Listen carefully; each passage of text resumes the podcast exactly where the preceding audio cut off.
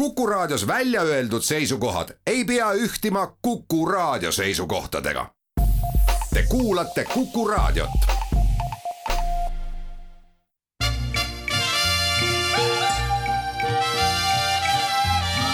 välismääraja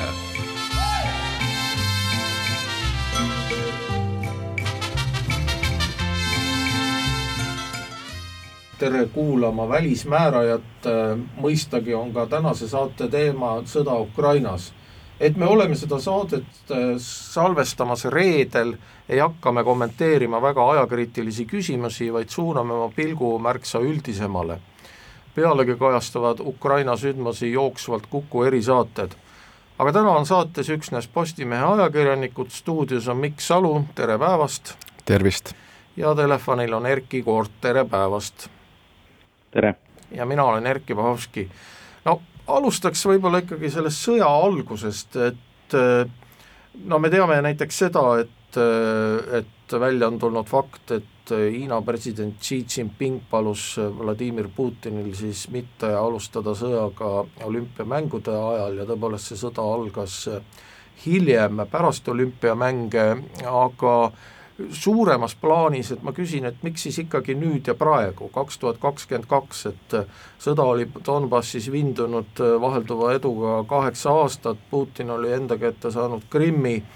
ja noh, tegelikult ju ka me näeme, nägime ju seda, et rahvusvaheline üldsus ikkagi suhtles Putiniga edasi, eriti just sõjale eelnenud päevadel, kus siis riburada pidi käisid mitmed rahvusvahelised liidrid Putini äh, käest äh, palumas, et, äh, et ta ei alustaks seda sõda, aga midagi positiivset ei juhtunud, et ja nüüd on muidugi selge, et noh, Putin on ennast täiesti nurka mänginud, et Mikk, mis, mis sina arvad kõigepealt, miks see, miks see sõda nüüd just algas? Noh, ma ütlen kõigepealt selle Hiina kommentaari kohta, et Hiina on ise selle ümber lükanud, et ja vaevalt keegi peale Putini ja, ja Hiina juhi üldse teab, mida keegi lubas või küsis, et, et see on natuke spekulatsioon, aga ma arvan, et pikas perspektiivis vähemalt minu jaoks on kõige veenvam seletus see, et, et Venemaa juhtkonnale, Putinile äh, üha enam sai selgemaks, et Ukraina on ja jääb noh, vene keele pruugiks siis Venemaa suhtes vaenulikuks riigiks. meie ütleme tegelikult täpsemalt, et Ukraina pöördus läände ja seal ei ole noh, sellist Kremli jaoks soovitud tulemust, et Ukraina oleks neutraalne või, või Ukraina oleks Vene sõbralik, et, et ma arvan, et nad ühel hetkel nagu said ise aru, et, et et Ukraina on ära liikunud et kui, kui ma näiteks vaadata Raada koosseisu, siis nii-öelda venemeelseid jõude on seal umbes kümme-viisteist protsenti ja isegi need Ukraina venemeelsed, noh näiteks nende jaoks on Euroopa Liitu, Euroopa Liiduga liitumine juba enam-vähem okei okay., et isegi nemad ei räägi mingisugusest Venemaaga liitumisest enam. Erkki Koort, mida, mida sina ütled? mina iseloomustaks seda situatsiooni natuke sellise Äh, Eesti, Eesti ühe filmi Verekivi kontekstis, et äh, Tallinn on liiga tugevaks saanud ja Fookt on liiga ülbeks läinud. et see tundub sedamoodi jah, et äh, Ukraina oli libisemas päästmatult läände ja tundus, et, et Venemaa juhtkond siis Putiniga eesotsas arvas, et, et kui seda nüüd ei tee, siis Ukraina tugevnemine, kaugenemine jätkub paratamatult mis tähendab seda, et, äh, et noh, tulevikus äh, Venemaa vaatest on konflikt möödapääsmatu, parem võtta see avantüür ette juba nüüd, kui äh, selleks, selleks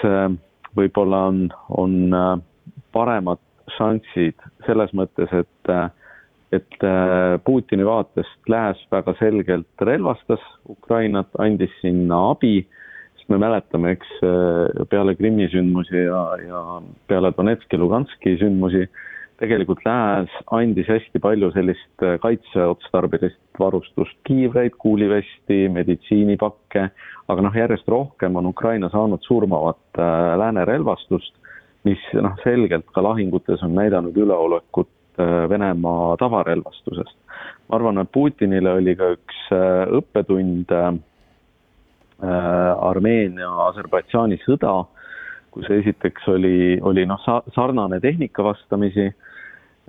Nad nägid sealt, eks selle lääne, lääne tehnoloogia ülekaalu kasvu. teiseks oli see, et Uk-, Ukraina ka see väga selgelt pani kindlasti tähele, et Armeenia-Aserbaidžaani konfliktis Venemaa selline mm, autoriteet langes, sest, sest nende kahe riigi vahel Venemaa püüdis Putini tasemel sobitada korduvalt ja korduvalt rahu ja sellest tegelikult noh, keegi ei hoolinud. et, äh, et see oli ja, ja ma ei alahindaks ka seda äh, noh, küll kõrvalpõige, aga, aga Kasahstani kriisi, mille Venemaa lahendas edukalt ja neile võis jääda mulje, et nad suudavad olla sama edukad Ukrainas äh,. miks, Alu, et äh, tundub ka niimoodi, et, et need nii-öelda need, need tavalised trikid, kui neid võib kutsuda Venemaa, Venemaa, mis Venemaa kasutas, et need enam ei töötanud, noh kui ma mõtlen siin neid külmutatud konflikte, eks ole, et noh, et pärast seda, kui toimus sõda Gruusias, siis see Gruusia nii-öelda liikumine läände jäi nagu vinduma, noh Venemaal õnnestus ka sisepoliitiliselt Gruusiat mõjutada, sama lugu on Moldovaga. äh,, Äh, aga Ukraina puhul need ei töötanud, et riik liikus ikkagi edasi läände ja, ja, ja kõik see, eks ole, Krimm ja, ja Donbass ja, ja, ja, ja see lihtsalt ei töötanud ja noh, muidugi me teame, et kaks tuhat kolmteist Venemaa andis ka Viktor Janukovitšile lihtsalt altkäemaksu, et too ei ühineks siis Euroopa Liidu ja Ukraina assotsiatsiooni lepinguga. jah, ja kusjuures Janukovitš, eks ole, keda me ütleme, et ta on venemeelne siis äh, Ukraina sisepoliitikas nähti teda tihtipeale sellise tsentristina, kes üritab laveerida nagu erinevate leeride vahel ja näiteks NATO osas Janukovitš ei öelnud selgelt ei, vaid ta ütles, et otsustame seda asja kunagi tulevikus, see on lihtsalt, ma nagu ei ütle seda kuidagi Janukovitši kaitsmiseks, kui, vaid ma lihtsalt viitan, et isegi noh, parim, mida Kreml nagu leida võis Ukrainast, oli selline Janukovitši tüüpi laveerija. ja mulle nagu meeldiks, et kui me räägime Ukrainast, siis me räägime eelkõige Ukraina lugu, et ma olen, märkan eriti, kuidas Euroopas või Ameerikas noh, analüütikud, kui nad räägivad sellest konfliktist, nad tahavad seal alati teha mingisuguseks Venemaa ja USA konfliktiks või eriti nagu Ameerika analüütikud teevad, tahavad teha Ukraina loost Ameerika loo. et see on ikka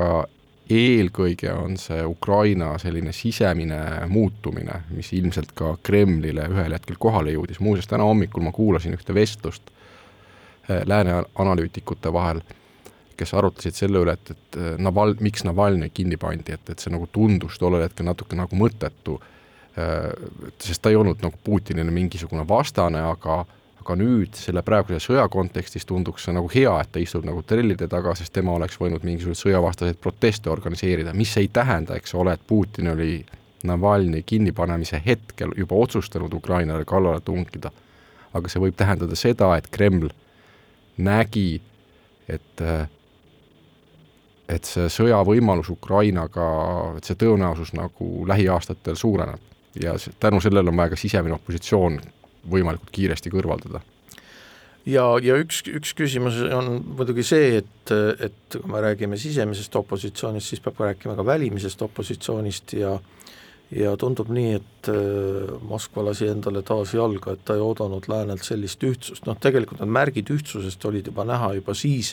äh, sellele sõjale eelnenud kriisi ajal, kus tegelikult ju lääs äh, ei taganenud ja ja küsimus nendes erimeelsust, millest me siin ka saates oleme varem rääkinud, oli ikkagi nüanssides, et Erkki Kort, et kas sinu jaoks oli see lääne reaktsioon nagu oodatav või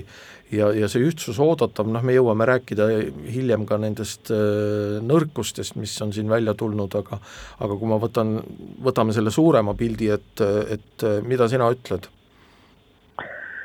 Äh, ma võib-olla sellele Navalnõi kommentaarile juurde ütleks selle, et,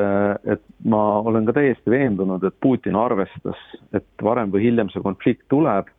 aga ma arvan, et Navalnõit äh, vangistades ta ei mõelnud tingimata noh, sellele konfliktile kui, kui sellisele, et ta, ta eeldas, et konflikt tuleb.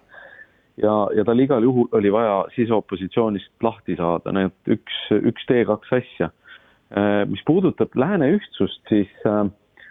ma peaks ütlema, et mind on üllatanud Euroopa Liit positiivses mõttes. Äh, pool aastat tagasi oli Euroopa Liit täiesti kindel, ei mitte mingit äh, piiri väljaehitamisel rahatõketesse või, või aedadesse. et selliseid füüsilisi barjääre Euroopa Liit ei rahasta ei hakka kunagi rahastama. peale Valgevene korraldatud hübriid- ja pärisrünnakuid see seisukoht muutus. Euroopa Liit äh, tajus seda, et, et sellise relva kasutamine või inimeste niimoodi üle piiri saatmine on noh, tegelikult väga suur probleem teatud piirkondades, kus sa ei saa neid lihtsalt, sa ei, sa ei, ühelt poolt sa ei saa neid aidata, teiselt poolt sa ei saa neid tagasi suruda, noh, ühesõnaga probleemide pundar.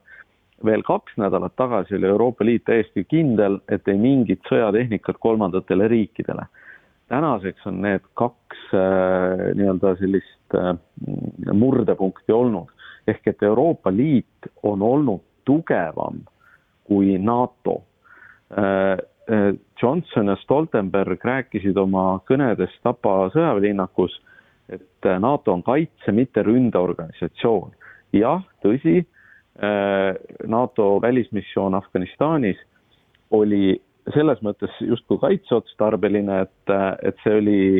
reaktsioon siis üheksa üksteist terrorirünnakutele, aga NATO missioonid Kosovos ja Põhja-Aafrikas ei ole olnud seda tüüpi missioonid, ehk NATO on sekkunud ka teistesse konfliktidesse. ja nüüd on nagu noh, minu jaoks see küsimus, et et äh, hästi palju on räägitud Putini punastest joontest, hästi palju on räägitud Putini nõudmistest, need on nagu ühtsena tagasi lükatud, aga ikkagi noh, kus on lääne nõudmised, et mis hetkel on see punane joon, kui NATO ütleb, et vot sellisel kujul me ei luba Ukrainas enam tsiviilelanike vastaseid rünnakuid korraldada, see on liig ja nüüd me sekkume. Äh, või, või mingid, mingid teised sarnased nõudmised, et, et kui Venemaa nõuab, et, et rükatakse äh, nii-öelda sellised Ameerika ja, ja Briti väed nii-öelda Lääne-Saksamaa poole tagasi, siis kas, kas Euroopa Liit ja NATO on valmis ütlema, et okei okay,, aga teie demilitariseerite ka Leningradi, mis on üks militariseeritumaid paiku Euroopa südames. ehk et äh, lääs on olnud ühtne, aga minu arvates natuke pehme, mis muidugi noh, selgitab, et ega lääs on olnud suuresti šokis sellest rünnakust, sest lääs ei uskunud, et see võiks tõeks osutuda. peale USA, noh, kes, kes neid luureandmeid ju välja pani päris pikka aega juba. mina, ma võtaks pigem ikkagi positiivsema noodi, et, et minu arvates on lääs on suhteliselt kiire ja ühtne ma rääkisin eelmisel nädalal Aivo Oravaga, kes on Eesti suursaadik Euroopa Liidu juures ja ja noh, kui võrrelda näiteks Euroopa Liitu Suurbritanniaga või, või USA-ga, siis Suurbritannial USA-l oli kiirem ja lihtsam igasuguseid sanktsioone nagu kehtestada, aga Euroopa Liidus on see protsess selline aeglasem ja bürokraatlikum ja tuleb hästi palju juriidikat teha, et, et need asjad hiljem Euroopa kohtus näiteks peaksid, aga aga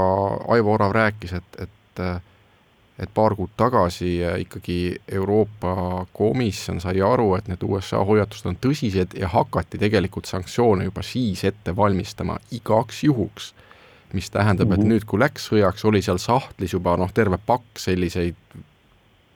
noh, ma, ma ei ole jurist, ma, ma ei tea kõike seda tehnikat, aga asju, mida sai kohe käiku lasta või väga kiiresti käiku lasta, mis on väga erinev näiteks kahe tuhande neljateistkümnendast, viieteistkümnendast aastast, kus see asi venis, sest lihtsalt kogu see no midagi ei ole teha, Euroopa Liit on veidi sellisem keerulisem asi. aga mis puudutab, eks ole, neid äh, lääne punaseid jooni räägitakse noh, mingist lennukeelutsoonist Ukraina kohal ja, ja, ja NATO punastest joontest, siis tuleb olla nagu realistlikud, et me räägime tegelikult ainult Ameerika Ühendriikidest, see on, see on Ameerika Ühendriikide otsus, sest mitte ühelgi teisel riigil ei ole äh, Äh, sellist võimekust, ühtegi sellist punast joont kehtestada ei ole noh, NATO-l tervikuna, ei, ei Suurbritannial, Prantsusmaal, ammugi noh, mitte Saksamaal, ainult USA-l on see sõjaline võimekus. see on nagu nende otsus tegelikult. Jaa, selles suhtes ma korra ütlen kommentaari, et ma arvan ka, et lääs on ühtne, aga, aga sellest on äh, üllataja on olnud Euroopa Liit, kes on äh, tegelikult väga minu arust väga jõuliselt hakkama saanud ja, ja selle punaste joonte jõustamine on kindlasti toetuks Ameerika Ühendriikidele, see on tõsi.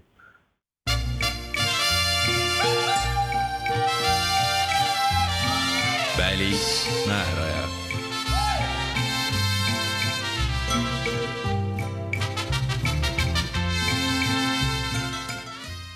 tere tagasi kuulama Välismäärajat, stuudios on Mikk Salu, Erkki Pahovski telefonil Erkki Koort ja räägime edasi Ukraina sõjast.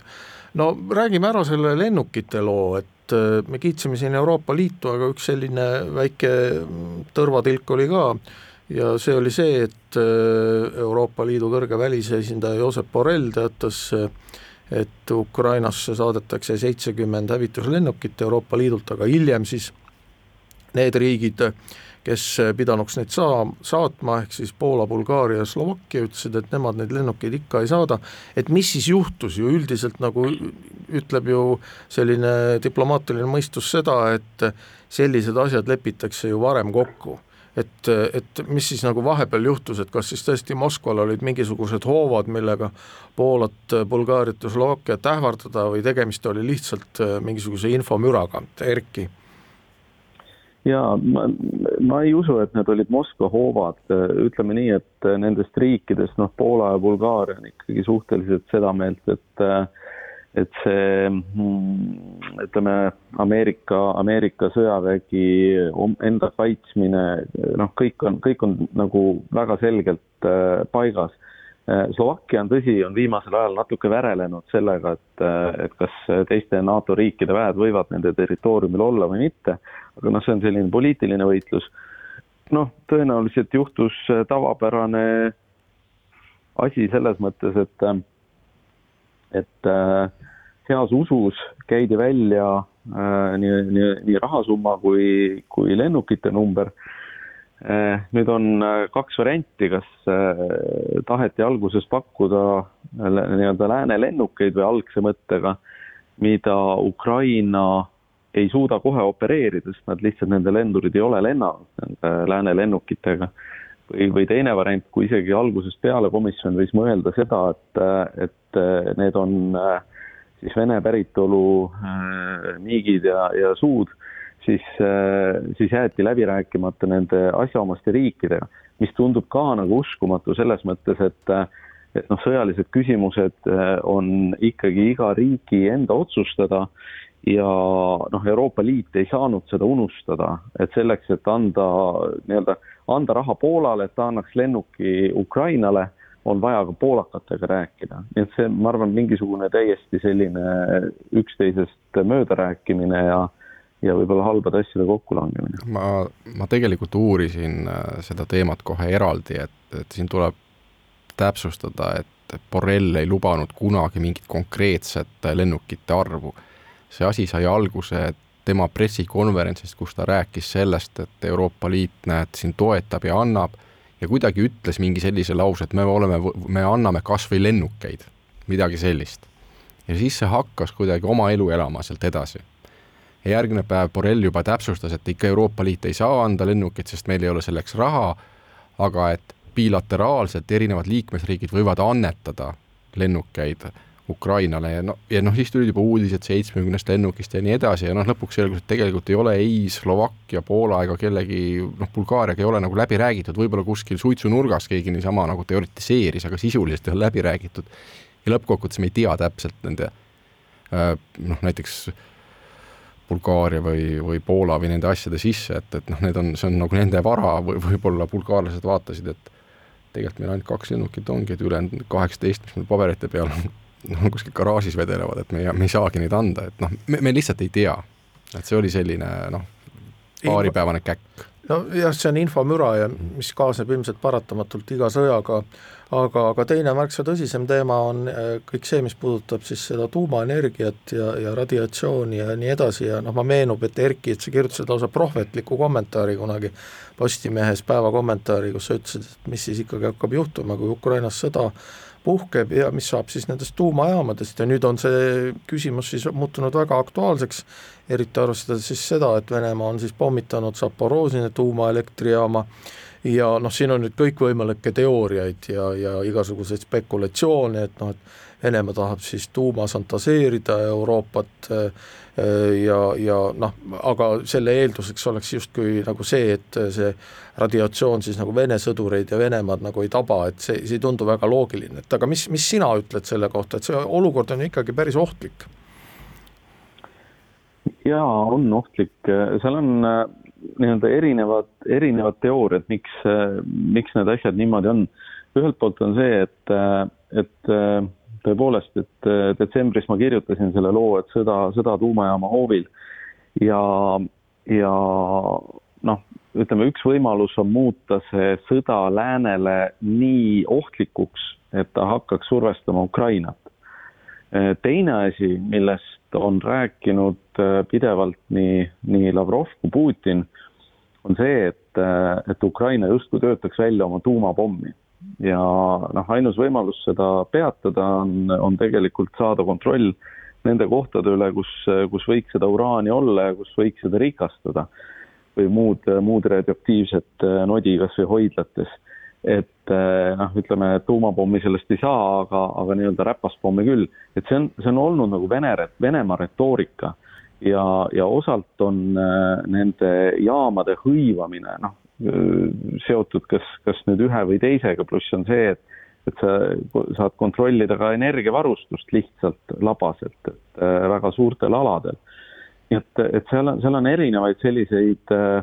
allhoovusi, mis see Venemaa täpne eesmärk on, noh, seda on, või võib-olla on kombinatsioon nendest kõigest. ma, ma pakun kõige lihtsama sele-, seletuse, mis vähemalt minu meelest on kõige tõenäolisem. esiteks, need tuumajaamad on jäänud ju nagu Venemaa rünnaku suundade ette, et, et Tšernobõl ongi Valgevene ja Kiievi vahel, et, et kui sa tahad Kiievisse tungida, sa peadki nagu Tšernobõli ära võtma, et noh, et seal ei ole mingit nagu muud põhjust ja ja vaadates nüüd seda lõuna pool, seda eh, tuumajaama, siis tegelikult täpselt samamoodi, see ongi nagu Venemaa nagu rünnaku suuna ees, et kui, kui ma oleks nagu sõjaväelane ja mul on noh, no antud käsk võtta see nagu linn ära, et ja siis seal poole tee peal on mingi tuumajaam, et kas ma siis sellest nagu mööda lihtsalt jalutan või loomulikult ma võtan ka selle ära. et eh, noh no, imelik oleks nagu see, kuidagi isegi mõelda nagu mingit nagu teistsugust varianti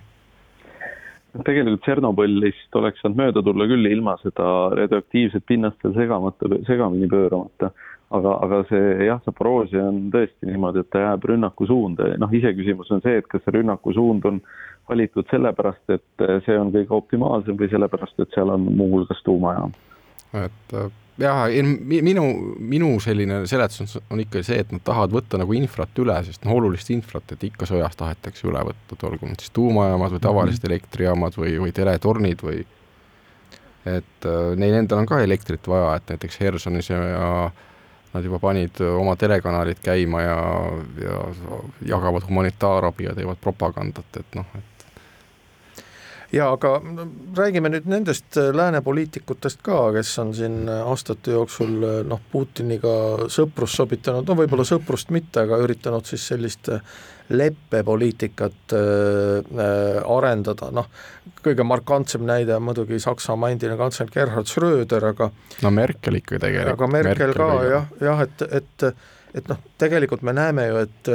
et see poliitika on nagu täielikult läbi kukkunud, ehkki, ehkki jälle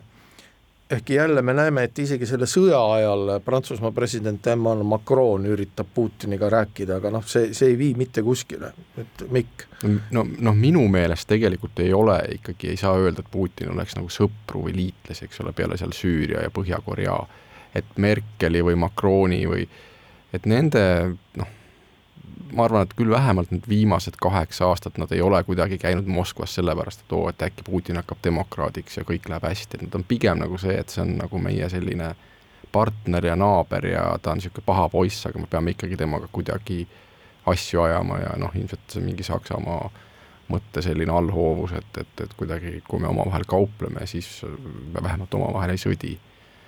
aga, aga muidu, kes on käinud nagu Moskvas, et käiaksegi ikkagi mingi väga pragmaatilisest noh, huvist, ma just täna lugesin Financial Timesis oli artikkel, et näiteks kuidas, miks India käib Moskvas, noh nad ostavad sealt relvi, nad on Nõukogude ajal juba ostnud ja ja neil on vaja, see ei ole isegi mingi sõprussuhe, aga noh, mingi natuke niisugune strateegiline vaade, et noh, et Venemaa on natuke tasakaaluks Hiinale, noh näiteks India vaatenurgast. et, et ma ütleks niimoodi, et kui ma oleks Putin, ma laseks Lavrovi lahti, et kui siin ÜRO-s oli see hääletamine ja ja põhimõtteliselt oli ju siis Venemaaga ühes paadis olid noh, Valgevene, noh, mis on arusaadav, ta on samuti agressor, siis olid Põhja-Korea, Süüria ja Eritrea, no kolm hullu diktaatorit, et nad ei suutnud isegi Armeeniat või Kasahstani või Venezuelat või Kuubat nagu enda poole meelitada. ja isegi mitte Naurut, eks ole, kes ka on tunnustanud siis neid äh, nõndanimetatud rahvavabariike, aga, aga Erkki Koort, mida sina ütled, et et äh, noh, lääne poliitika nüüd, nüüd ja enne Äh, noh, ütleme niimoodi, et tegelikult on ju hästi oluline muutus toimunud Saksamaal, eks, et äh, Angela Merkel tõesti, kes äh, püüdis, ma arvan, et Angela Merkeli suur huvi oli iga hinna eest vältida sõda Euroopas. see ei õnnestunud. On, on teinud juba natuke teistsuguseid samme ja, ja noh, täitsa huvitav oleks olnud see, et milliseid samme Merkel oleks täna astunud, kas ta oleks astunud kaugemale või vastupidi, oleks püüdnud seda ikkagi lepitada. Macron on peale Merkeli minekut ja brittide lahkumist äh, väga selgelt positsioneerinud ennast ühe Euroopa liidrina ja, ja ta tahab ka suhetes Venemaaga seda, seda rolli kanda. nüüd äh, noh, tegelikult on ka see, et Prantsusmaa on ka täna Euroopa Liidu eesistujamaa ja iroonilisel või kummalisel kombel oli ta seda ka Gruusia sõja ajal nii et selles suhtes on Prantsusmaal kuidagi nagu õnnestunud, ütleme niimoodi, et kui vaadata nüüd eesistumise järjekorda, siis võib prognoosida Prantsuse eesistumise kontekstis äh, järgmist sõjalist konflikti. see oli muidugi irooniaga öeldud. Äh, aga, aga, aga lääne liidrid on äh, noh, enamasti on olnud ikkagi väga, väga selgelt ühtselt väljendunud. Ja tõesti, kui vaadata seda, et, et mida, mida teeb Putin, mida teeb Lavrov, siis noh, Lavrov, eks vahetult enne seda, kui, kui mm, suleti need väinad seal Türgis, Istanbuli väinad, siis, siis Lavrov nägi ikkagi Türgi suunal väga, väga palju vaeva. Putini puhul noh, seda ei paistnud, vähemalt avalikest allikatest mitte. mida tegi Putin? Putin helistas äh, kollektiivse julgeolekulepingu organisatsiooni riigijuhtidele, Kõrgõzstani riigijuhile, presidendile, eh, helistas Armeenia peaministrile, noh, Lukašenka oli juba varasemalt, eks, püüdis ujuda seal, noh, Lukašenka on selles suhtes, mis Mikk ennem tõi võrdluse nagu Janukovitšiga, et ta on niisugune nagu püüab ujuda igal pool. et eh, Lukašenko on praegu nagu noh, natuke samm küll kaugemale, aga, aga noh, midagi sarnast ka tema ei ole võtnud ju sellist, sellist positsiooni, nagu võib-olla Venemaa ootas. Kasahstani juht keeldus ja, ja teatas, et noh, et see sõda tuleb igal juhul lepitada. Putin on helistanud veel Venezuela presidendile, nii et selles suhtes noh, see, see tegelikult näitab seda ringi, mis, mis, mis, kes Venemaal on jäänud. Ja, ja noh, kes tal veel on jäänud, eks kui, kui Putin kirjutas alla need tunnustamise ja, ja vastastikused lepingud siis nende Luganski ja Donetski niinimetatud rahvavabariikidega, siis, siis noh, Putin, Putin ongi viimasel ajal paistnud silma sellega, et ta mõtleb välja endale sõpru ja siis äh, räägib nagu diplomaatilistest võitudest, aga, aga noh, need on niisugused pisiriigid, mis, äh, mis noh, võib-olla Venemaa tunneb ennast selles kontekstis kuidagi hästi no tegelikult Prantsusmaast rääkides ei saa unustada ka seda, et äh, Prantsusmaal toimuvad varsti presidendivalimised ja kampaania juba käib, reedel teatas siis äh, praegune Prantsusmaa president Emmanuel Macron, et ta kandideerib uuesti, aga nüüd see sõja äh, taust on siis pannud sellele valimiskampaaniale täiesti uue pitseri. Ja, ja, ja no me näeme seda, et nii-öelda selleks Vene sõbraks tavaliselt tituleeritud rahvusliidu äh, juht Marine Le Pen on siis ennast üritanud distantseeruda Putinist ja nii edasi, et et Mikk, kas sa näed, et see tegelikult, see Ukraina sõja, sõda paneb selle Prantsusmaa presidendivalimised täiesti uude fookusse ja noh, ma tuletan meelde, et et valimised ja päris olulised valimised on tulemas ka Ungaris, et noh, ilmselt seal saab rääkida sama. no Macron on oli nii ehk naa, eks ole, favoriit ja ma arvan, et jälle nagu küüniliselt öeldes, siis ma pigem kujutan ette, et, et see sõda on Macronile nagu kasuks, mitte nagu, ma ütlen veel kord, et seda ei maksa minu väidet kuidagi tõsiselt võtta, et umbes Macron nagu tahaks sõda, aga noh, paratamatult ütleme, kui sa oled president, siis sa nagu särad tänu sellele palju rohkem kuskil kaamerate ees. et aga ma ei, ma ei tunne nii hästi äh, Prantsusmaa noh, sisepoliitikat,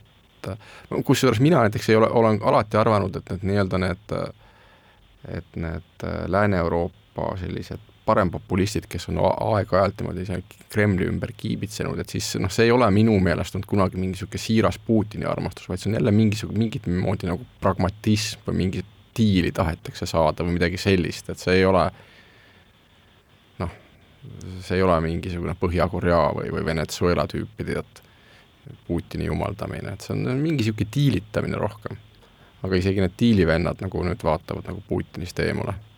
jah, et ilmselt see sõda on ikkagi kõiki pannud äh, mõningasi asju ümber hindama ja noh, need pildid äh, Ukraina linnade pommitamisest on, on päris õudsed, aga teeme siinkohal väikese pausi ja tuleme tagasi mõne hetke pärast.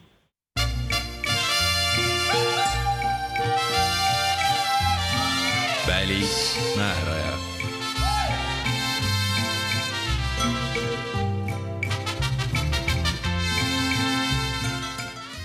Tere tagasi kuulama Välismäärajat, stuudios on Mikk Salu, Erkki Paavski ja telefonil Erkki Koort ja räägime edasi Ukraina sõjast, no üks selline suur küsimärk Ukraina sõjas on olnud Hiina käitumine ja ja noh, ma pean ütlema, et mina alg-, ausalt öelda väga hästi aru ei saagi, et mis mängu Hiina mängib, et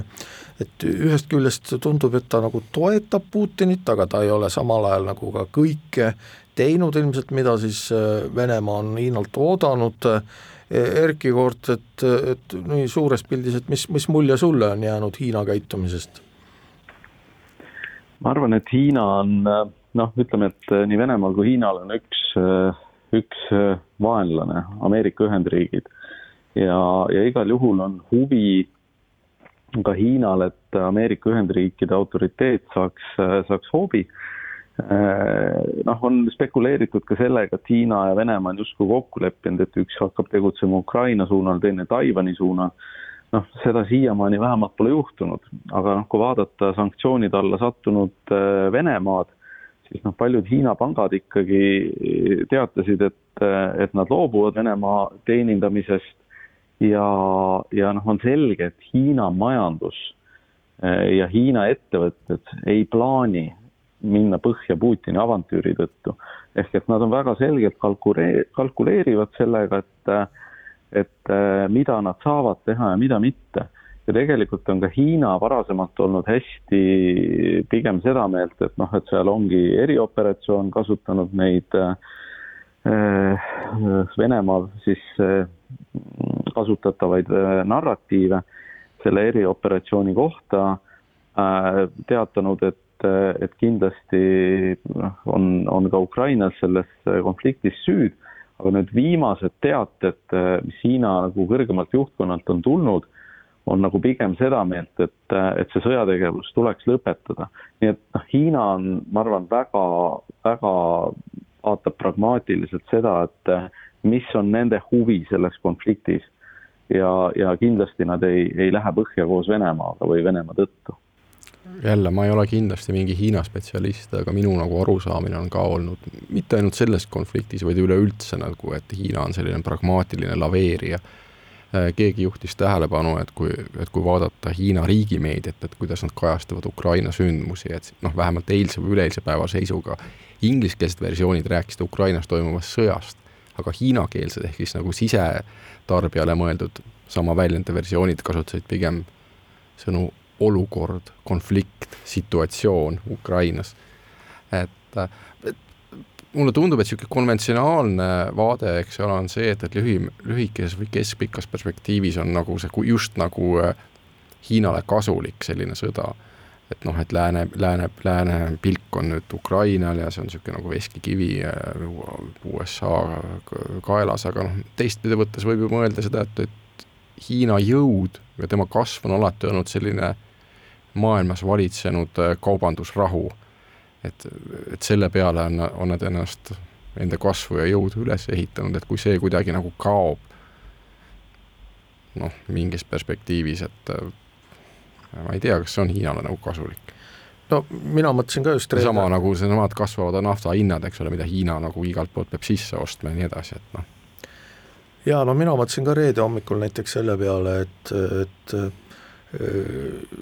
Erki mainis siin seda Hiina ja Taiwan'i küsimust, aga nüüd noh, kas siis hiinlased tõesti tahavad seda, ma mõtlen siin just Ukraina paralleele tuues, et et, et aga mis siis juhtub, kui Taiwan osutub nagu oodatust tugevamalt vastupanu? Ja teine muidugi on suur küsimus see, et Hiina tahab ka ennast siis äh, rahvusvaheliselt niimoodi isoleerida, nagu Venemaa praegu, et äh, noh, Hiina on kindlasti suurem, tugevam majanduslikult ja see isoleerimine ei ole lihtne, aga aga ma arvan, et läänemaailm ikkagi reageeriks hukkamõistvalt, et äh, noh, Erkki Kord, kas sulle ei tundu, et see Taiwan'i ründamine praegu on ikkagi nagu laualt maas? ma arvan ka, et et, et pigem see noh, vähemalt äh, on kõik, kõik sündmused varjutanud igasugused uudised Taiwanist. aga, aga mulle tundub, et eks Hiina jälgib väga tähelepanelikult ja analüütiliselt seda olukorda, mida toob üks või teine samm kaasa. Äh, kui Venemaal kukkus äh, või noh, Venemaa, Venemaa juhitud Nõukogude Liit kokku kukkus siis eh, noh, hiinlased nägid väga palju vaeva sellega, et eh, saada aru, miks see niimoodi juhtus ja, ja nad analüüsisid seda, nad kutsusid neid endiseid kommuniste kogu aeg rääkima, et vältida sama asja. Eh, nüüd, mis puudutab seda, seda majanduslikku seisu, siis noh, Hiina ei ole sõjaline jõud tegelikult. Hiina on suur majandusjõud, Venemaa on suur sõjaline jõud, noh, mitte enam nii suur, nagu me näeme aga väga kesine majandusjõud. ja Hiina ei saa endale kindlasti lubada seda, eh, mis, eh, mis praegu Venemaal paistab. Eh, sest noh, sanktsioonid igal juhul laastaksid ka Hiinat. tõsi, jah, Hiinal on muidugi rohkem sõpru alles jäänud kui Venemaal, aga nad, nad ei, ei lähe, ma ei, ma ei usu, et nad läheks selle peale. ja, ja võib-olla veel, mis Hiina puhul on Äh, on, on oluline, et äh, nende huvi äh, noh, Kesk-Aasias suuremat mõju saa-, saavutada, on tegelikult noh, tee sellele on nüüd lahti, sest selge, et Kesk-Aasia majandus on väga paljus seotud Venemaa majandusega, Hiinaga vähem, aga, aga, aga noh, tegelikult kui, kui see Venemaa nagu selline nabanöör väheneb või ära kukub ja Venemaa mõju tervikuna väheneb selle konflikti tõttu, siis eh, noh, Hiina on kindlasti kohe valmis Kesk-Aasias suuremat rolli võtma. no ja saate lõpuosas võib-olla siis see küsimuste küsimus ja, ja ka tegelikult ju see teema, millest üldse see Ukraina kriis ja sõda alguse sai, ehk siis eh, milline peaks olema Euroopa julgeolekuarhitektuur praegu, noh mõtlen siin võrdlus Nõukogude aja või, või külma sõjaga, et noh, isegi praegusel hetkel, eks siis äh, isegi Nõukogude Liit ei olnud ju nii palju isoleeritud kui Venemaa praegu, ma mõtlen äh, just seda, eks ole, et noh, Vene lennukid ei saa kuskile lennata, näiteks noh, Aerofloti lennukid ikkagi Nõukogude Liidu ajal lendasid lääne pealinnadesse ja nii edasi, et et, et kas ja noh, üks muidugi suur küsimärk on see, kuidas ikkagi lõpeb see sõda Ukrainas aga noh, me praegu näeme seda, et see Euroopa uus julge, julgeolekuarhitektuur ja noh, võib-olla ma olen siin liiga julge oma väites, ikkagi eeldab seda, et Venemaa on järjest rohkem isoleeritud või ta on ikkagi noh, isoleeritud kindlasti rohkem kui, kui varem, et see nii-öelda see külma sõja julgeolekuarhitektuur lihtsalt ei tööta, Mikk? ma ütleksin kaks asja, et esiteks peaks olema ikkagi noh, ettevõte, ettevaatlik selles mõttes, et me ei saa välistada, et kusagil ka Euroopa riigid või, või Euroopa riigijuhid äh, ühel hetkel väsivad ja hakkavad natuke asja lõdvendama. Äh, ja teine asi, äh, ma endiselt arvan, et väga palju sõltub lõppkokkuvõttes sellest, mis seal sõjatandril juhtub. noh, kujutame ette sellist hüpoteetilist stsenaariumit, me istume praegu siin laua taga, aga nädala pärast istume uuesti laua taga ja selleks hetkeks näiteks on kogu äh, Ukraina lõunarannik äh, ära võetud, Odessa võetud, Harkiv võetud, Kiiev äh, sisse piiratud, inimesed nälgivad, äh, ukrainlased protestivad ja Zelenskõi põhimõtteliselt kirjutab nagu allaandmisaktile alla ja ütlebki, et Ukraina on näiteks nüüdsest alates neutraalne või mingi teine variant, eks ole, et, et kuskil kolme kuu pärast istume siin ja ikka kusagil istuvad kaevikutes ja, ja Venemaa majandus veereb alla ja Ukraina ei anna alla, et me, me lihtsalt ei tea, seal on nii palju nagu, eks ole, erinevaid asju, mis hakkavad lõppkokkuvõttes mõjutama. jah, jah, ma meenutan ka siin, kui ma tulin üheksakümnendate keskpaika Postimehesse tööle, siis oli ju igapäevane pealkiri oli see, et Bosnias jätkuvad ägedad lahingud. Ja noh, ma mõtlen ka sellele, et no mis siis nagu edasi saab, et ega paneme, et iga päev, et Ukrainas jätkuvad ägedad lahingud, et noh mm, -hmm. et, et see võib olla küll, aga, aga Erki, mis sinu mõtted võiksid olla Euroopa uuest julgeolekuarhitektuurist? mulle tundub, et, et see sündmused, mis praegu toimuvad, on noh, ilmselgelt viimase kolmekümne aasta kõige suuremad äh, julgeoleku või geopoliitilist mõju omavad sündmused ja, ja ma olen ka nõus Mikuga, et, et me tegelikult ei tea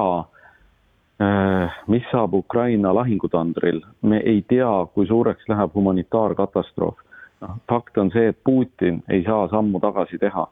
sellepärast et äh, kui ta seda teeb, siis ta suure tõenäosusega kaotab võimu. Äh, samas on Venemaa, noh, raha põleb, Vene inimeste raha põleb, Vene oligarhide raha põleb, Vene korruptantide raha põleb. raha võimu ei tohi kunagi alahinnata, sellepärast et, et need venelased, kes on harjunud kuskil Prantsuse Rivieras või Šveitsi alpides puhkama, käima, ei taha minna Uureli mäestikusse puhkama. Nad tahavad minna jätkuvalt sinna Šveitsi, nad tahavad elada head elu jätkuvalt, eh, mis täna on ikkagi pärsitud, okei okay,, keegi läheb sinna Araabia kuskil, hakkab seal käima, see selleks, on ju, aga aga, aga, aga see raha põlemine on kindlasti üks, üks mõjur. E, kahjuks on see, et kui Venemaa suudab Ukrainas olla edukas lühiajalises perspektiivis Eh, ja, ja, ja suruda peale Ukrainale rahulepingu, siis eh, tegelikult see päästab Putini ja kindlasti varem või hiljem sanktsioonid hakkavad leevenema. see on, see on kindel. Kui Ukraina suudab olla edukas pikas perspektiivis, siis eh, noh, Vene raha lahkumine Venemaalt, inimeste elujärje halvenemine see hakkab mõju avaldama ka võimule Venemaal, aga see ei juhtu üleöö, selleks läheb ikkagi päris omajagu aega. nii et eh, noh, kaks võimalikku varianti, aga võib-olla, võib-olla selle, selle sündmuste kokkuvõtte peale võib öelda, et eh, kui külma, kui, kui uus külm sõda oleks välja kujunenud sellel samal Ukraina-Venemaa joonel, siis seda kuuma sõda täna ei oleks.